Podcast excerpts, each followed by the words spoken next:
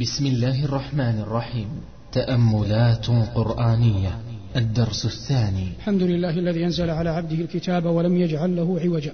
أشهد أن لا إله إلا الله وحده لا شريك له خلق فسوى وقدر فهدى وأخرج المرعى فجعله غثاء نحوا وأشهد أن سيدنا ونبينا محمدا عبده ورسوله صلى الله عليه وعلى آله وأصحابه وعلى سائر من اقتفى أثره. واتبع منهجه بإحسان إلى يوم الدين. أما بعد أيها الإخوة المؤمنون السلام عليكم ورحمة الله وبركاته. قال الله جل وعلا تلك الرسل فضلنا بعضهم على بعض منهم من كلم الله ورفع بعضهم درجات وآتينا عيسى ابن مريم البينات وأيدناه بروح القدس. ولو شاء الله ما اقتتل الذين من بعدهم من بعد ما جاءتهم البينات ولكن اختلفوا فمنهم من آمن ومنهم من كفر. ولو شاء الله ما اقتتلوا ولكن الله يفعل ما يريد. هذه الآية جاءت بعد قول الله. لنبينا صلى الله عليه وسلم تلك آيات الله نتلوها عليك بالحق وإنك لمن المرسلين. فناسب الله بعد أن ذكر المرسلين في ختام الجزء الثاني أن يبدأ بالرسل. وقال الله تلك ولم يقل هؤلاء كما قال في أول القرآن ذلك الكتاب بيانا لعلو قدرهم ورفيع مكانتهم وجليل منازلهم أشار الله جل وعلا إليهم بقول تلك. والرسل جم غفير. أخبر النبي صلى الله عليه وسلم أنهم ثلاثمائة وبضعة عشر رجلا أرسلهم الله جل وعلا. يتنزل على هذه الآية, الآية التي ذكرناها مسائل عدة أولها الفرق بين النبي والرسول. أولها الفرق بين النبي والرسول. أكثر المصنفين في الكتب العقيدة وغيرها يقول إن النبي والرسول بينهما فرق. فكل رسول نبي وليس كل نبي رسول. ويقولون إن الفرق إن الرسول من أوحي إليه شرع وأمر بتبليغه. والنبي من أوحي إليه وحي ولم يؤمر بتبليغه. الرسول من أوحي إليه شيء وأمر بتبليغه. والنبي من أوحي إليه وحي ولم يؤمر بتبليغه. قلنا هذا عليه أكثر من صنف. لكنه خلاف الحق خلاف الصحيح. لماذا خلاف الصحيح؟ إن الله جل وعلا أعز وأجل من أن يوحي إلى عبد علما ويكون هذا العبد سرير الكتمان في صدر ذلك الرجل يموت بموته ولا يؤمر ببلاغه. هذا أمر يتنافى مع الشرع. اذا نقول إن هذا التعريف غير مستقيم. لا بد من تعريف مستقيم. فنقول إن التعريف المستقيم أن يقول إن الرسول من أوحي إليه شرع جديد. الرسول من أوحي إليه شرع جديد وأما النبي فمن بعث على تقرير شرع من قبله. النبي من بعث على تقرير شرع من قبله. حتى يتضح المثال موسى وعيسى عليهما الصلاة والسلام. موسى جاء بالتوراة وجاءت بعده أنبياء. لا يسمون رسل لأنهم كانوا يحتكمون إلى ماذا؟ يحتكمون إلى التوراة فهم أنبياء وليسوا رسل. لما جاء عيسى عليه الصلاة والسلام جاء بالإنجيل فخرج عن كونه نبي إلى كونه نبي رسول لأن الإنجيل فيه شريعة غير الشريعة التي جاء بها موسى عن ربه والمدونة في التوراة. مع اتفاقهم عليهم الصلاة والسلام أجمعون على أنه كلهم بعثوا بالتوحيد وباتفاقهم على البعث والنشور واليوم الآخر. فهذا اتفقت عليه كلمة النبيين. اتفقوا جميعا أنهم جاءوا بدين واحد وإنما الاختلاف كان اختلافا في ماذا؟ كان اختلافا في الشرائع. فإذا جاء النبي وقرر الشرع الذي قبله هذا نبي وإذا جاء رسول وجاء بشرع جديد فهذا رسول. هذه المسألة الأولى هي الفرق بين النبي والرسول. المسألة الثانية الرسل بشر لكنهم تميزوا عن البشر بخصائص منها. أولها وأعظمها الوحي. أولها وأعظمها الوحي.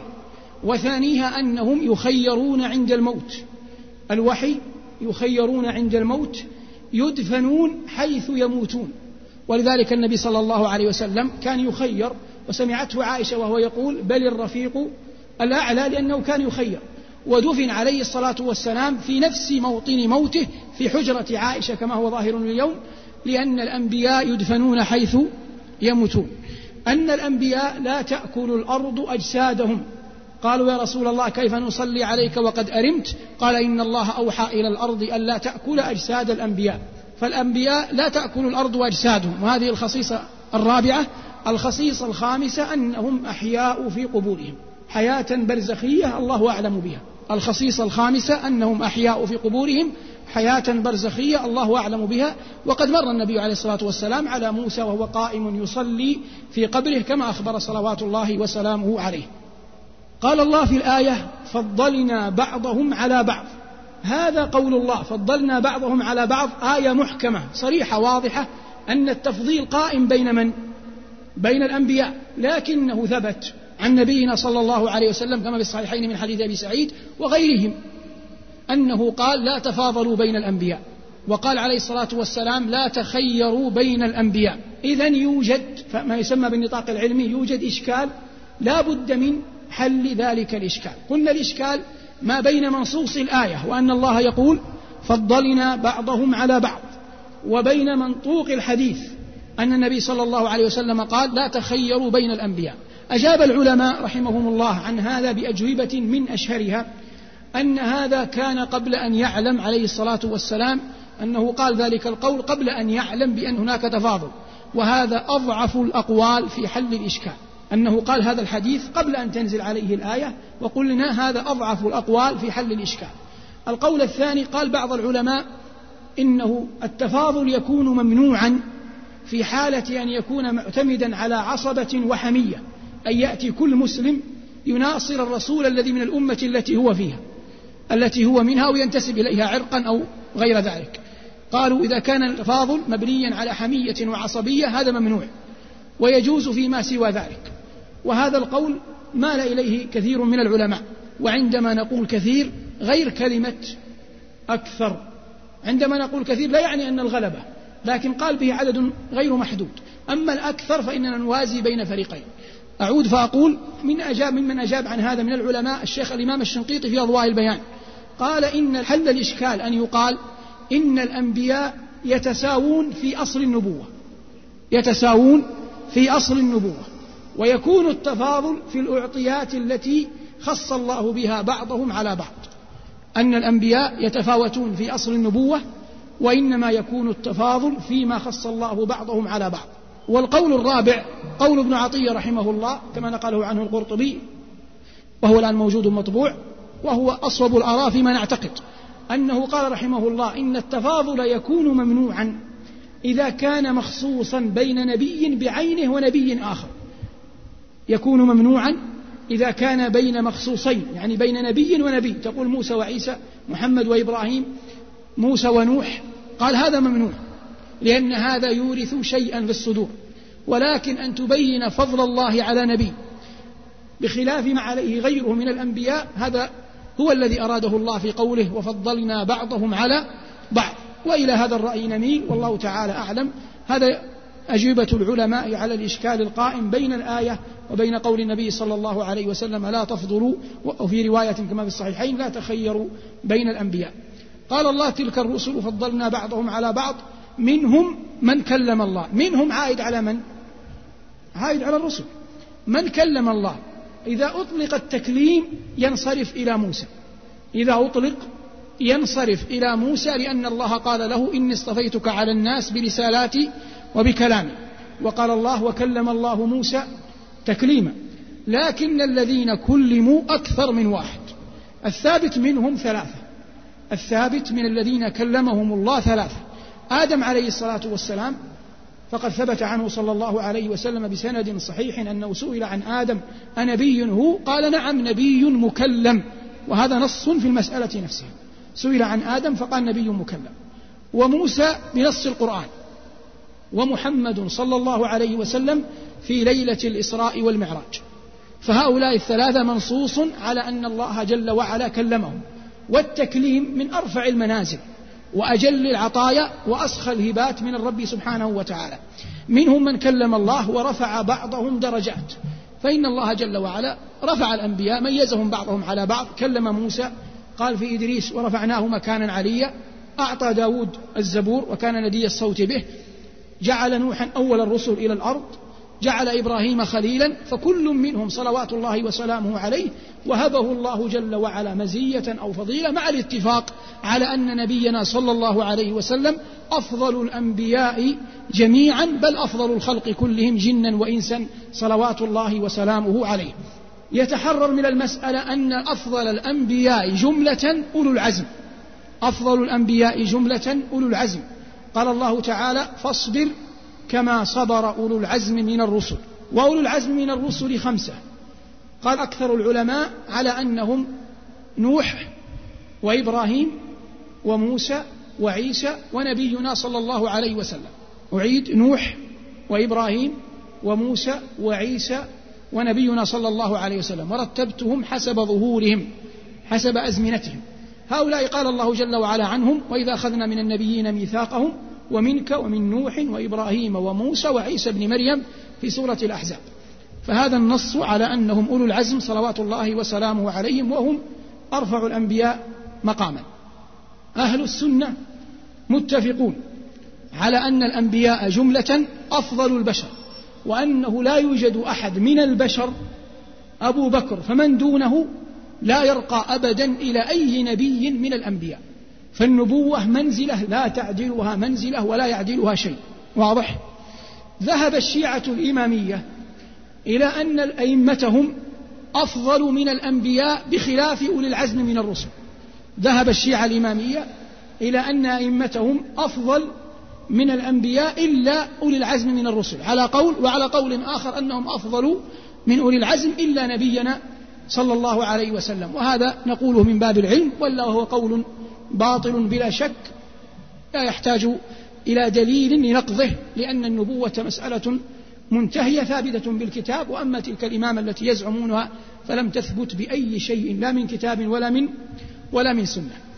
قال الله جل وعلا في الآية فضلنا بعضهم على بعض ورفعنا بعضهم درجات وآتينا عيسى ابن مريم البينات وأيدناه بروح القدس. ذكر عيسى ابن مريم بعد الأنبياء عموما يسمى ذكر خاص بعد بعد عام لأن عيسى ابن مريم يندرج في الأولين يندرج في قوله تعالى تلك الرسل لكن الله جل وعلا خصه بالذكر هنا لحكمة هي أن أهل الكتاب وإذا قلنا أهل الكتاب يلتفت إلى من؟ اليهود والنصارى لأن أهل الكتاب اختلفوا فيه عليه الصلاة والسلام ما بين إفراط وتفريط ما بين إفراط وتفريط فالنصارى بالغت فيه حتى جعلته إلها مع الله واليهود ذموا حتى حاولوا قتله. وكلا الفريقين أخطأ السبيل ولذلك حدد الله جل وعلا ذكره هنا. قال سبحانه وآتينا عيسى ابن مريم البينات. البينات جمع بينة وهي الأمارة والدلالة والمعجزة والبرهان والوضوح. وقد من الله على عيسى ابن مريم ببينات عدة من أشهرها أنه تكلم في المهد وأنه كان يبرئ الأكمه والأبرص وأنه كان يحيي الموتى بإذن الله وأنه كان ينفخ في هيئة الطير فيكون طيرا بإذن الله. هذا بعض ما من الله به على موسى وأيدناه بروح القدس. جمهور العلماء على أن روح القدس المقصود به هنا جبرائيل. جمهور العلماء من المفسرين على أن المقصود بروح القدس هنا جبرائيل. ويؤيده من السنة أن النبي صلى الله عليه وسلم قال لحسان أهجهم وروح القدس معك أي جبرائيل. وذهب بعض العلماء كابن سعد رحمه الله في تفسيره إلى أن المقصود بروح القدس الإيمان واليقين في قلب عيسى بن مريم.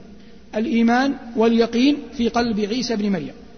وأيدناه بروح القدس ثم قال الله ولو شاء الله ما اقتتل الذين من بعدهم من بعد ما جاءهم العلم. الأنبياء لما أتوا أتوا بالحق. فطبيعي يا أخي أن يختصم الناس فيما جاء به الأنبياء. فلما اختصمت كل قوم فيما جاء به النبي انقسموا إلى كم قسما إلى فريقين بين مؤمن وكافر. كونهم مختلفين يولد بينهم ماذا؟ الحرب والاقتتال. أعيد. كونهم مختلفين يولد بينهم الحرب والاقتتال. فلما جاء الأنبياء والرسل بالعلم من الله بالوحي بالتوحيد بالإسلام أثار ذلك الناس فانقسموا إلى فريقين سواء كانوا قلة أو كثرة لكنهم انقسموا إلى فريقين. هذان الفريقان أصبح بينهم اقتتال لعلة ماذا؟ لعلة الاختلاف. يعني ما سبب الاختلاف؟ ما سبب القتال؟ وجود الاختلاف. وهذه لابد تنتبه إليها لأننا سننقضها فيما بعد. وجوب الاقتتال كان بسبب الاختلاف. ثم أخبر الله جل وعلا أن منهم فريقان منهم من آمن ومنهم من كفر. ثم أراد الله أن يبين أن السبب قد يوجد أحيانا ولا يعمل. قد يوجد أحيانا ولا يعمل. حتى لا تنصرف أذهان الناس. أن السبب أحيانا قد ينفع ويضر من غير الله. قال الله بعدها ولو شاء الله ما اقتتلوا ولكن الله يفعل ما يريد. هذا التكرار فهمه بعضهم أنه توكيد. وقد نتسامح فنقول إنه توكيد لكنه ليس توكيدا لمجرد التكرار وإنما المقصود من الآية البيان التالي. الله أخبر أن وجود الاختلاف سبب لماذا؟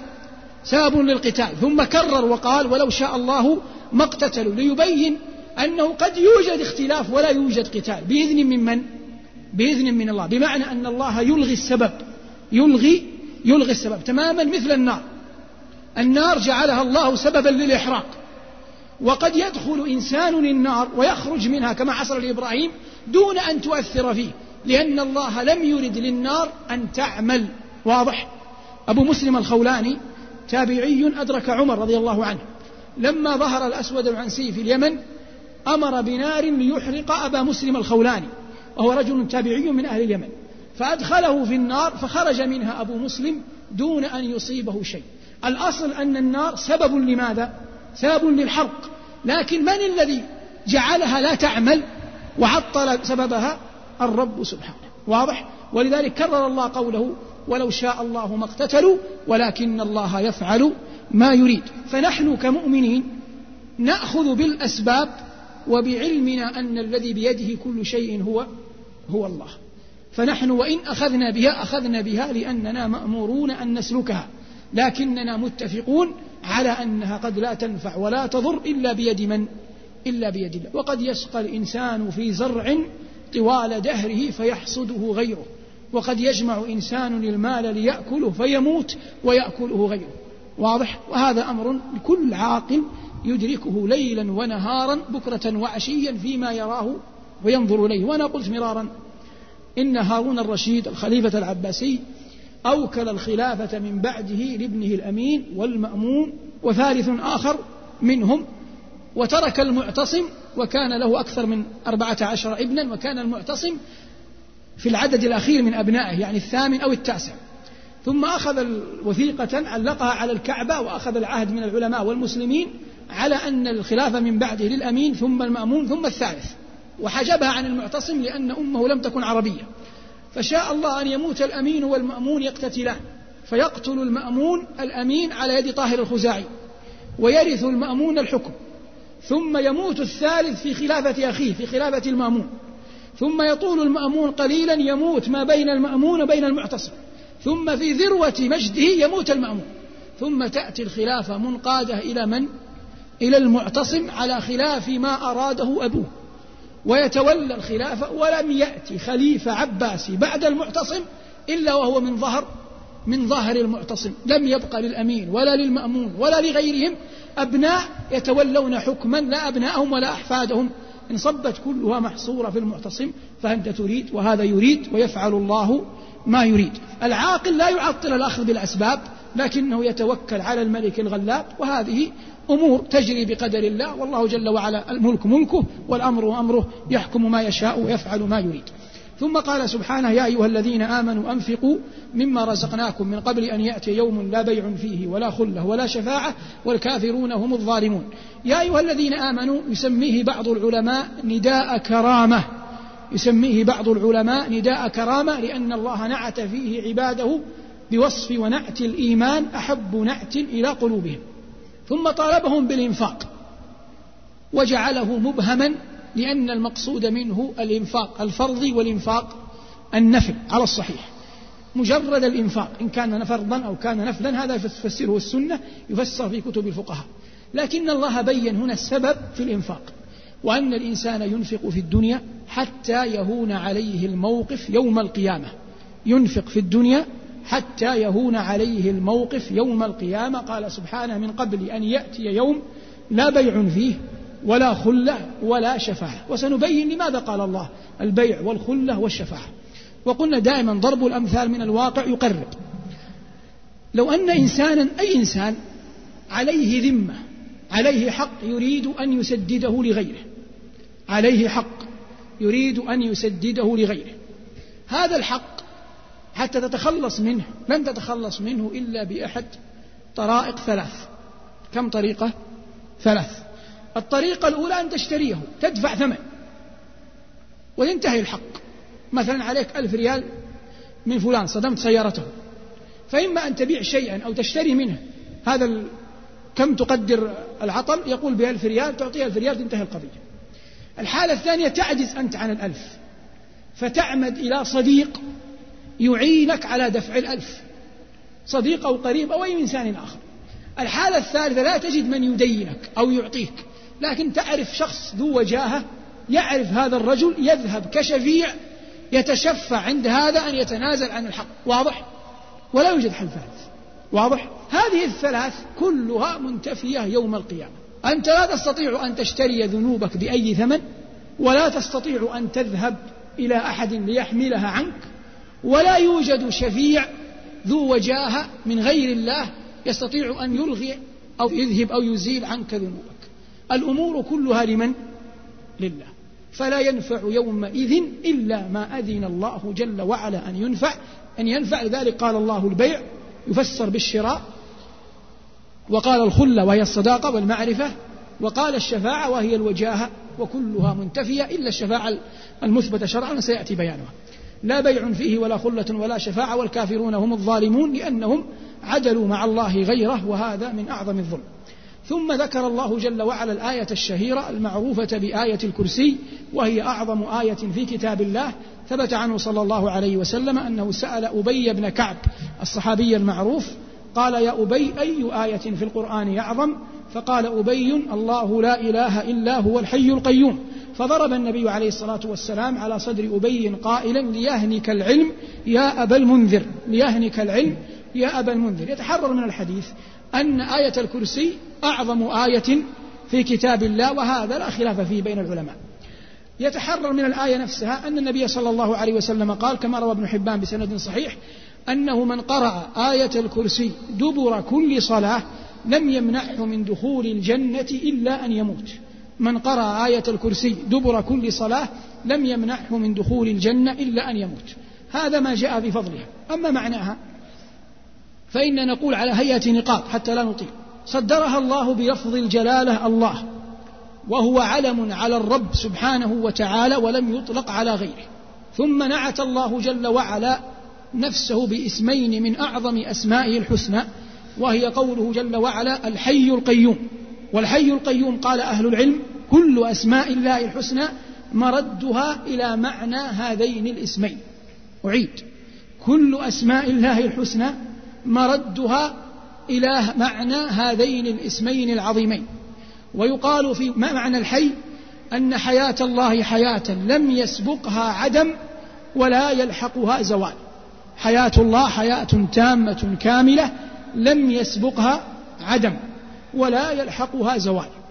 القيوم أنه جل وعلا مستغن عن كل أحد وكل أحد مفتقر إليه. أعيد. قيوم بمعنى أنه جل وعلا مستغن عن كل أحد قائم بنفسه وقائم بغيره بمعنى أنه جل وعلا كل أحد غيره مفتقر إلى الله جل وعلا. فلا قوام لأحد إلا بالله والله جل وعلا غني كل الغنى عن جميع خلقه. الله لا إله إلا هو الحي القيوم. ثم قال سبحانه لا تأخذه سنة ولا نوم. بما أنه جل وعلا قائم على كل أحد فإن من كمال قيموميته على كل أحد أنه لا تأخذه سنة ولا تأخذه نوم. قال صلى الله عليه وسلم إن الله لا ينام ولا ينبغي له أن ينام بيده القسط يخفضه ويرفعه يرفع إليه عمل الليل قبل عمل النهار وعمل النهار قبل عمل الليل. حجابه النور أو النار لو كشفه لأحرقت سبحات وجهه ما انتهى إليه بصره من خلقه. فكل ما خطر ببالك فالله غير ذلك. ليس كمثله شيء وهو السميع البصير. لا تأخذه سنة ولا نوم له ما في السماوات وما في الأرض. اللام هذه لام الملكية المطلقة. لام الملكية المطلقة. وقد قلنا في درس سابق إن هناك ملك حقيقي وملك قلنا ملك صوري قلنا ملك حقيقي وملك صوري هذه اللام لام الملكية أي جميع من في السماوات ومن في الأرض. جميع ما في السماوات والأرض عبيد مقهورون للرب تبارك وتعالى. فهذه لام الملكية له ما في السماوات وما في الأرض. من ذا الذي يشفع عنده إلا بإذنه؟ هذا استفهام إنكاري. أي لا أحد يشفع عنده إلا بإذنه وستأتي آيات الشفاعة مستقبلا. من ذا الذي يشفع عنده إلا بإذنه؟ يعلم ما بين أيديهم وما خلفهم ولا يحيطون بشيء من علمه إلا بما شاء. العلوم أربعة. العلوم كم؟ أربعة. علم ماض وعلم حاضر وعلم مستقبل وعلم لم يكن كيف يتصور كونه؟ علم ماضي وعلم حاضر وعلم مستقبل وعلم لم يكن لكن كيف يكون لو لو وقع؟ هذه الأربع كلهن يعلمهن الرب تبارك وتعالى. قال الله في هذه الآية يعلم ما بين أيديهم وما خلفهم يشمل كل شيء يشمل كل علم. أما العلم الرابع الذي قلناه يعلم ما لم يكن لو كان كيف يكون يعلم ما لم يكن لو كان كيف يكون فيدل عليه قول الله جل وعلا لو خرجوا فيكم ما زادوكم إلا خبالا. الله يتكلم عن المنافقين أن هؤلاء المنافقون لو خرجوا لم يزيدوا المسلمين إلا خبالا مع أن المنافقين لم يجيبوا لم لم يخرجوا. لكن الله أخبر لو كان منهم خروج كيف سيكون منهم الوضع؟ وقال الله عن أهل النار عياذا بالله ولو ردوا لعادوا لما نهوا عنه. ولو ردوا لعادوا لما نهوا عنه. ومعلوم لكل مسلم أن أهل النار لن يخرجوا من النار ولن يعودوا إلى الدنيا. لكن الله يخبر حتى لو عادوا على أي حال سيتصرفون. هذا معنى قولنا إن الله يعلم ما لم يكن لو كان كيف يكون. يعلم ما بين أيديهم وما خلفهم ولا يحيطون بشيء من علمه إلا إلا بما شاء. كل من لديه علم فالذي علمه ماذا؟ علمه الله. ولا يمكن لأحد أن يأتي بعلم لم يشأ الله له أن يعلمه. والله أخرجكم من بطون أمهاتكم لا تعلمون شيئا. فإذا أول طرائق طلب العلم ما هو؟ أن تطلبها من من؟ من الله. لا يأتي العلم بمداد ولا بصحيفة ولا بالتتلمذ ولا يأتي بشيء أكثر مما يأتي من الاستعانة بالرب عز وجل. من أخلص لله النية واستعان بربه على الوجه لا تم علمه الله جل وعلا وساق إليه العلم ما أنزل له. ومن والعياذ بالله ساءت نيته أو اعتمد على قلم ومحبرة وصحيفة ومداد وزيد وعمر وشريط وشيخ اعتمادا كليا. وأغفل جانب الاعتماد على الله لم ينل من العلم إلا بقدر ما يريده الله جل وعلا.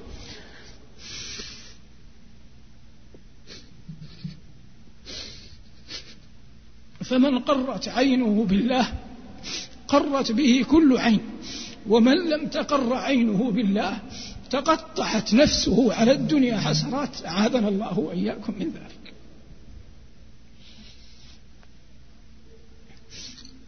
يعلم ما بين أيديهم وما خلفهم ولا يحيطون بشيء من علمه إلا بما شاء.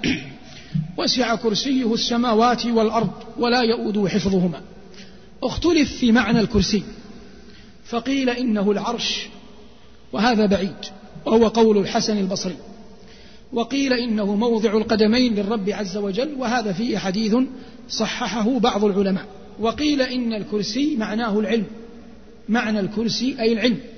وسع كرسيه السماوات والأرض يصبح معنى الآية وسع علمه السماوات والأرض.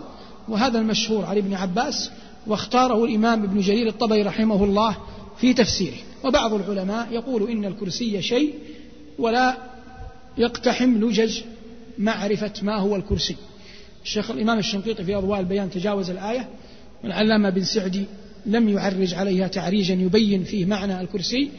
وابن جرير الطبري كما قلت قال اختار قول ابن عباس أنه العلم وبعض العلماء كابن كثير وغيره مال إلى تصحيح الحديث وقال إن الكرسي موضع القدمين للرب عز وجل وقال بعض العلماء هذا منسوب إلى أبي هريرة أنه موضع أمام الرب سبحانه وتعالى وقيل غير ذلك لكن هذا مجمل ما تبناه أهل السنة سلك الله بنا وبكم سبيلهم وسع كرسيه السماوات والأرض. الذي نريد أن نفهمه أن الكرسي شيء شيء عظيم.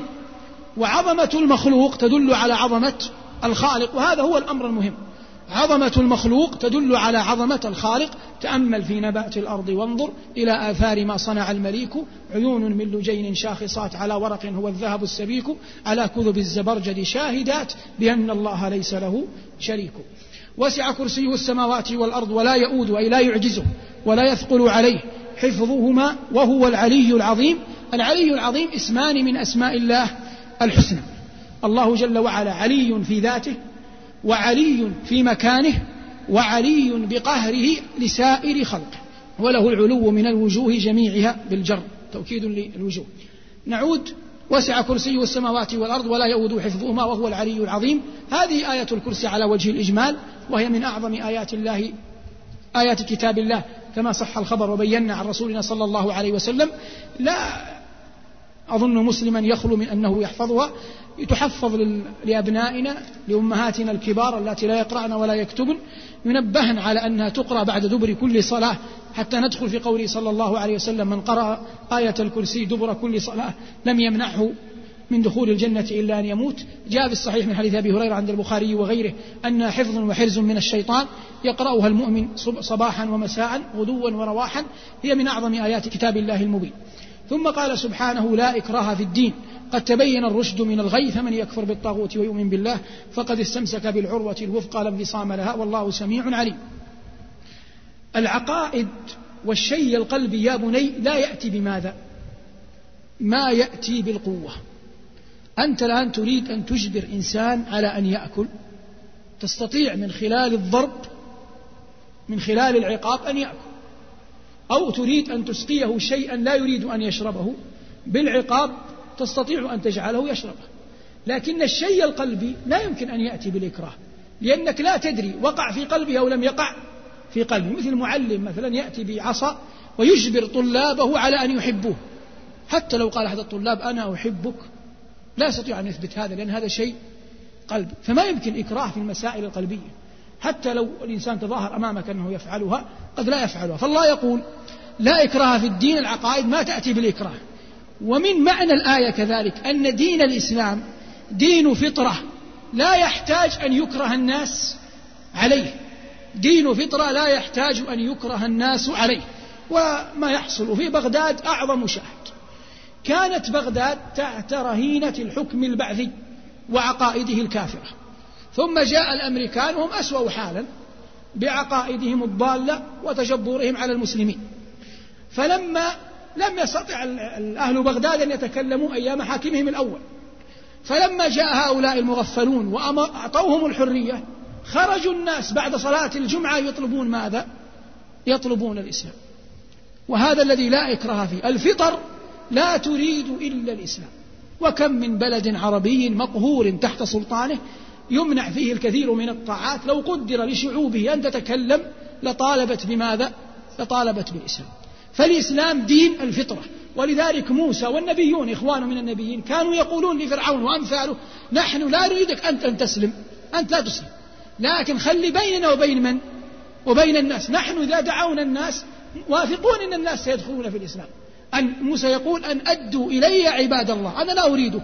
ولذلك النبي صلى الله عليه وسلم لم يحارب أبا جهل وأمثاله لأنهم كفار وحتى اليهود كانوا هنا كفار لكن حاربهم لأنهم كانوا يمنعونه أن يبلغ رسالة ربه. وإلا لو حال هؤلاء الطغاة المعاندون في كل زمان ومكان مهما تلبسوا لو حالوا وتركوا أن يكونوا حائلا بين الدعاة وبين الناس لآمن الناس.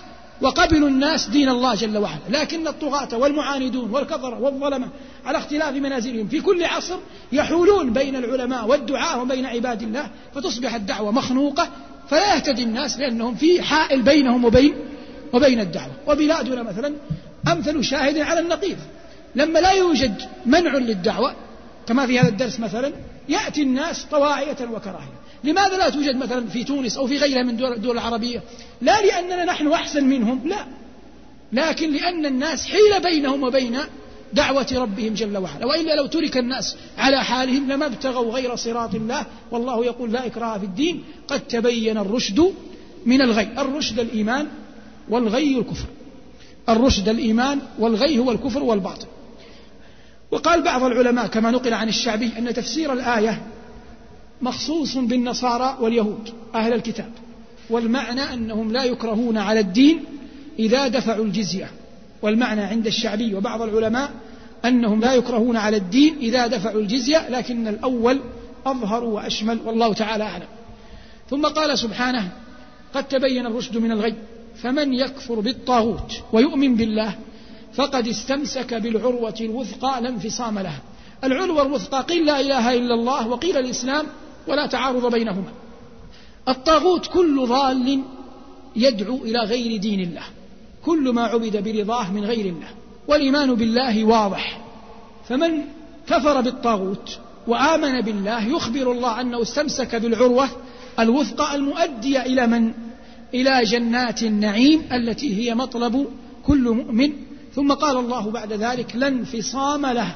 شوف يا أخي في فصم وفيه قصم الفرق بين الفصم والقصم كلاهما يعني النزع لكن الفرق نمثل بشيء محسوس.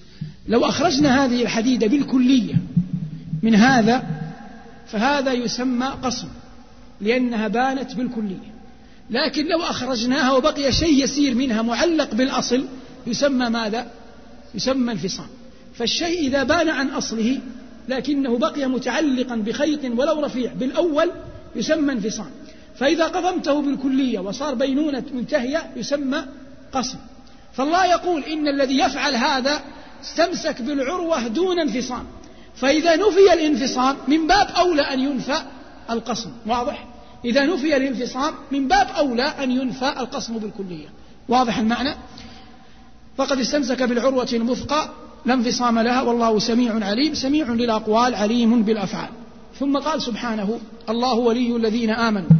يخرجهم من الظلمات إلى النور والذين كفروا أولياؤهم الطاغوت. يخرجهم من النور إلى الظلمات.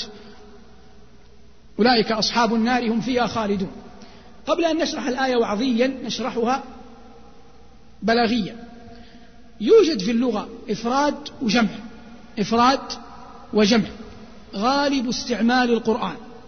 إذا وجد مفرد مقابل جمع فإن الله يوازن بين فاضل ومفضول. بين فاضل ومفضول أو بين حق وباطل. وتأمل القرآن. الله يقول الحمد لله الذي خلق السماوات والأرض وجعل الظلمات أجمعها. وجعل الظلمات ماذا؟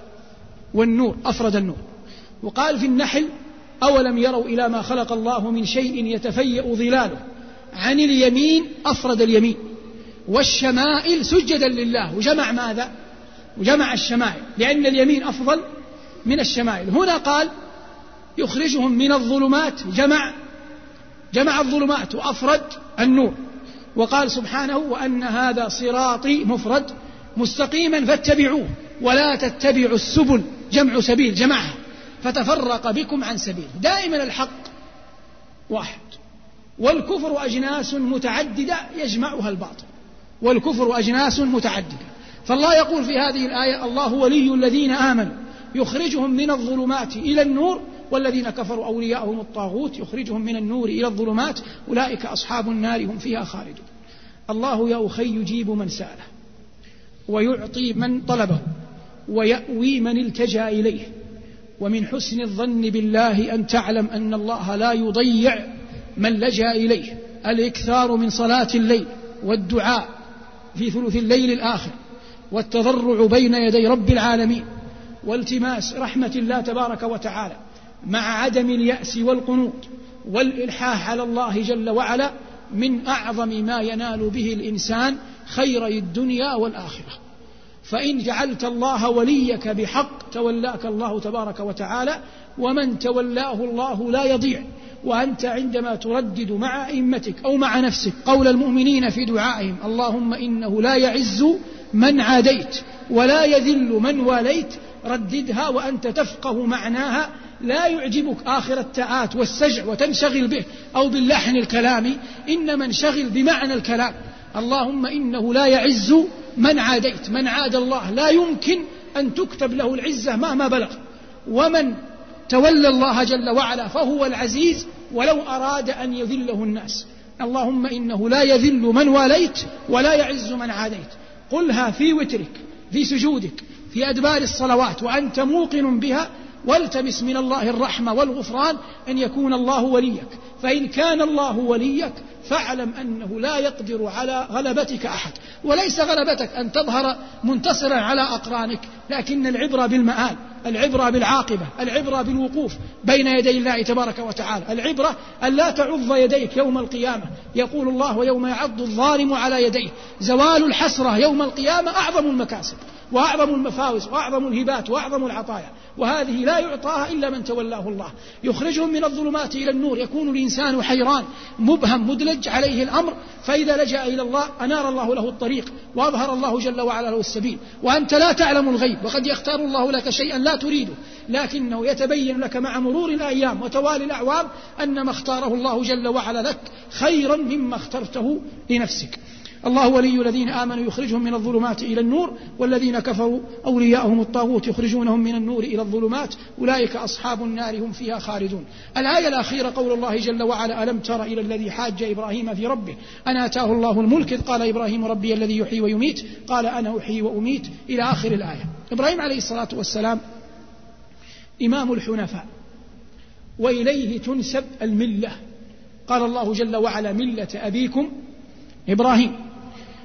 في لفتة قبل أن نذكر المحاجة. كلمة حنيف في اللغة ما معناها؟ الميل. كلمة حنيف في اللغة معناها الميل. فكيف يوسم الدين بأنه مائل؟ وكيف يوسم رجل كإبراهيم بأنه يميل؟ أعيد. حنيف في اللغة بمعناها ميل. ويقال لمن فيه عرج أحنف. فكيف يوسم إبراهيم؟ والملة بأن إبراهيم حنيف كما قال الله في القرآن ويسمى الله جل وعلا الملة بالملة الحنيفية. الجواب عن هذا الرسل عليهم الصلاة والسلام بعثوا والناس معوجون عن الطريق مائلون عن الحق. أعيد. الرسل بعثوا والناس ماذا؟ مائلون عن الطريق معوجون عن الحق. فلما جاء إبراهيم أو أي رسول بعده جاء الناس معوجة. فلو سار معهم سيصبح معوج. فلما اعوج عنهم أصبح مستقيم. واضح؟ فلما اعوج عنهم أصبح مستقيم. فحنيف الميل عن الميل استقامة. أعيد. الميل عن الميل استقامة. واضح؟ فبان من هذا أن مخالفة المعوجين يصبح ماذا؟ يصبح اعتدال واستقامة. هذا معنى حنيفية في اللغة. نعود إلى القصة.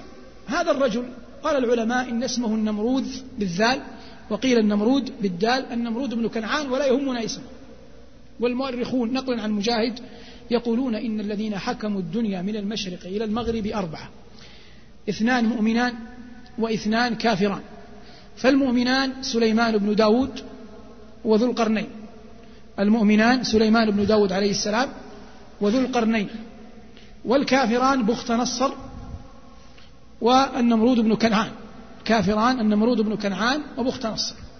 هذا النمرود كان الناس يمرون عليه أيام الجدب يأخذون منه الميرة يعني المؤونة. فكل ما يمر عليه شخص يسأله النمرود من ربك؟ فيقول ذلك الضال أنت. فيعطيه المؤونة ويمشي. فلما مر عليه إبراهيم قال النمرود لإبراهيم من ربك؟ قال ربي الذي يحيي ويميت. وإبراهيم يقصد الذي أحيا الناس من إماتتهم ويفنيهم إذا شاء. فقال هذا النمرود فرارا من الإجابة أنا أحيي وأميت. في رواية أنه جاب اثنين واحد كلاهم محكوم عليه بالإعدام قال أنت سامحتك قال هذا أحييته محكوم عليه بالإعدام سامحته وجاب شخص ما عليه ذنب وقتله قال هذا أمته. وطبعا إبراهيم لم يقصد هذا. والنمرود يعرف أن إبراهيم ما قصد هذا لكن توارى منها. فبقي إبراهيم على نفس المجادلة حتى يأتي بما هو أعظم منها وقلت من يتولى الله الله يتولى. قال إبراهيم فإن الله يأتي بالشمس من المشرق فأت بها من المغرب. قال الله فبهت الذي كفر. ولم يقل الله فبهت الكافر. لم يقل الله فبهت الكافر. قال فبهت الذي كفر. لو قال فبهت الكافر يصبح مجرد نعت عام للرجل الذي مر ذكره. لكن لما قال فبويت الذي كفر بين الله أن خذلانه بسبب كفره. خذلانه في الإجابة كان بسبب كفره. ولذلك الإنسان يصلي الفجر في جماعة فيخرج وهو مستعين بالله ويردد لا إله إلا الله ولا حول ولا قوة إلا بالله. جاء في الحديث الصحيح إذا قال الإنسان لا إله إلا الله يقول الرب عز وجل صدق عبدي لا إله إلا أنا. وإذا قال لا حول ولا قوة إلا بالله يقول الرب عز وجل صدق عبدي لا حول ولا قوة إلا بي فإذا خرج الإنسان بحياته اليومية وهو يردد لا إله إلا الله ولا حول ولا قوة إلا بالله يعقد عليه أصابعه. يأتيه موقف مفاجئ هو نفسه لم يستعد له فيلهم إجابة لو جلس عشرين سنة يستعين بالناس لا يعطاها ويأتي إنسان لا صلى فجر لم يعرف الله إلا قليلا ولا يذكره. فيأتي في موقف يجيب عنه الطفل الصغير فيبهت ولا يستطيع إجابة ويغلب. لماذا؟ لعدم الاستعانة بماذا؟ بالله. فهذا الرجل ما بهت لأن إبراهيم أفصح وإنما غلب إبراهيم لأن إبراهيم موحد وهذا كافر. قال الله فبهت الذي كفر. والدليل أن الله قال بعدها والله لا يهدي القوم الظالمين. من ظلم وجعل لله ندا ولم يجعل لله تبارك وتعالى قدرا ولا معرفة ولا مكانة لا يمكن أن يهديه الله جل وعلا ولا يمكن أن يوفقه وإنما التوفيق والهداية مردها إلى الإيمان والعمل الصالح. أو كالذي مر على قرية وهي خاوية على عروشها. القرية هي بيت المقدس. والذي هدمها وخربها بخت نصر. والذي مر عليها اختلف فيه قيل إنه عزير وهو بعيد. وقيل غيره. والشاهد أن رجلا مر على تلك القرية وقد خربت. فلما رآها قد خربت وسقطت سقوفها قال أن يحيي هذه الله بعد موتها. فهم البعض أن مقصود هذا الرجل إن الله يعيد هذه الدنيا البلاد تعود من جديد. هذا بعيد. لأن أي ديار؟ على ما ترى وأنت في سفرك كثير من الديار تمر عليها خربة ثم تعود. كما عادية وكم من ديار مبنية عظيمة ثم تعود خاربة كما هو موجود في بغداد. لكن هو لم يقصد القرية كبنيان. قصد ماذا؟ أهل أهل القرية. كيف يحيون بعد أن يموتوا أن يحيي هذه الله بعد موته. فالله جل وعلا رحمة به ورحمة بالناس بعده جعله هو آية. فأماته الله بعث إليه ملك الموت قبض روحه. مكث مئة عام ميت ثم عاد إليه ملك الموت فأحياه فلما أحياه سأله ملك الموت كم لبثت؟ قال لبثت يوما. فلما رأى الشمس لم تغب قال لا أو بعض يوم. الشمس ما انتهت باقي. أو بعض يوم. فأخبره الملك بل لبثت مئة عام. ثم وانظر إلى طعامك وشرابك وإذا هو الطعام والشراب لم يتسنه لم لم يتغير. لم يتغير هذا يردنا للقصة الأولى. لما قلنا إن أحيانا الله يعطل يعطل ماذا؟ يعطل السبب لأن مرور الأيام سبب في تغيير في تغيير الطعام بالعقل والماء لكن الله أبقاه وعطل الله السبب. وانظر إلى طعامك وشرابك لم يتسنى وانظر إلى حمارك. كان ميت أحياه الله ولنجعلك آية للناس.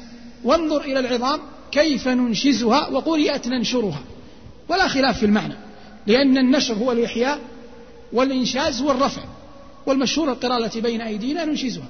وانظر إلى العظام كيف ننشزها ثم نكسوها لحما فلما تبين له قال الكلمة التي يقولها كل مؤمن أعلم أن الله على كل شيء قدير. ولو أن الناس وثقوا بهذه الآية فقط لرآهم الله جل وعلا من عجائب قدرته. قالوا إن المنصور بن أبي عامر أحد ملوك الطوائف في الأندلس كان يعمل حمارا يسوق الحمير ومعه اثنين على نفس صنعته. قال لهما ذات يوم ماذا تودون مني لو أصبحت أميرا للمؤمنين. يعني في تلك المنطقة. فأخذوا يسخرون منه. قال أنتم تمنوا. فقال أحدهم كان عاقلا أنا أريد قصور وجواري. قال الثاني أنا تحملني على حمار وتجعل وجهي إلى عكس الحمار ويطوف بي على القرية ويقال إني مجنون. ترك هذه الصنعة والتحق جنديا. ثم ما زال يترفع حتى أصبح حاجب الخليفة يعني الذي يجلس على الباب زي قائد الحرس الملكي في عصرنا. وكان لهذه المكان منزلة عند الناس قديما. ثم إن الخليفة مات وترك ابنا صغيرا لا يصلح لأن يكون ملكا أعطي ولاية العهد. فصنع له مجلس وصاية زي ما يقال في عصرنا مجلس وصاية على ولي العهد من عدة مجموعة الوزير والأمير وفلان والحاجب. منهم المنصور بن أبي عامر. مع الأيام هذا بقدرته بشطارته بإرادة الله تغلب على الجميع وأصبح هو ماذا؟ هو الأمير. قال ائتوني برفيقي راحوا لقاهم في نفس المكان جابوه. قال الأول ماذا قلت؟ قال أنا قلت قصور وجواري قال أعطوه قصور وجواري قال الثاني قال أنا نسيت أعفني يا أمير المؤمنين ألح عليه لما ألح عليه وأمر أن يوضع على حمار ويطاف به البلدة تشفعوا الناس. قال وأنت الآن حقق الله لك أمنيتك ماذا تستفيد؟ إن هذا يحملوه على حمار مخلوف. قال لشيء واحد حتى يعلم أن الله على كل شيء قدير. واضح. فاعلم يا أخي أن الله على كل شيء قدير. هؤلاء الذين ترونهم الأمريكيون في أرض بغداد أو في غيرها نعم ظاهرهم الطغيان وهم ما جاءوا إلا ليفسدوا في الأرض. لا يمكن أن يبيت بوش وأقرانه خيرا لأمة محمد صلى الله عليه وسلم. لكن هذا الذي يريدونه هم والذي يريده الله بهذه الأمة من خير عظيم والله ثم الله ثم الله. لا يمكن أن يرده بوش ولا غيره. قال الله عز وجل أم يريدون كيدا فالذين كفروا هم المكيدون. فنصر الله قادم شاءوا أم أبوا رضوا أم غضبوا كيف سيكون؟ لا نعلمه. لكن الذي نعلمه يقينا أنه سيكون. كيف سيكون؟ لا نعلمه. متى؟ لا نعلمه. وأرجو الله أن يكون قريبا. لكن ثقوا أنه كم من محنة في طيها منحة. كم من محنة مصيبة في طيها منحة وعطية من الله. والأمور كلما ضاقت دل ذلك على أول الفرج قال شاعر مسلم وراء مضيق الخوف متسع الأمن وأول مفروح به غاية الحزن. فلا تيأسا فالله ملك يوسفا خزائنه بعد الخلاص من السجن. سبحان ربك رب العزة عما يصفون وسلام على المرسلين والحمد لله رب العالمين. والله تعالى أعلم وصلى الله على محمد وعلى آله. تأملات قرآنية.